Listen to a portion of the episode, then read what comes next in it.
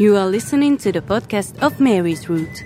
The Mary's Route between Mariazell and Csíksomlyó, Czestochowa and Medjugorje connects the sacred places, natural and cultural treasures of Mary.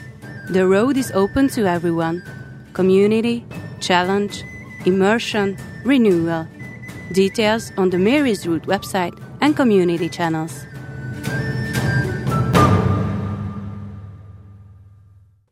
Bishop János Székely's The Way of Mary, The Way of Purification, Step 3 Welcome.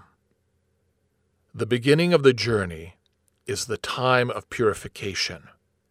You have to leave the noise, the hustle and bustle of the world behind.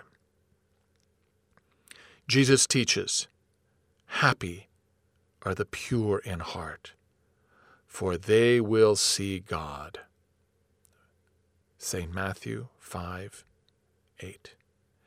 In order to see Him on your way, you have to be clear of your sins and from all that is pulling you down, imprisoning you, and smearing you. The Apostle St. Paul writes the following Do you not see that in a running competition, all take part, but only one gets the reward. So let your minds be fixed on the reward, and every man who takes part in the sports has self control in all things. Now they do it to get a crown which is of this world, but we for an eternal crown. So then, I am running not uncertainly.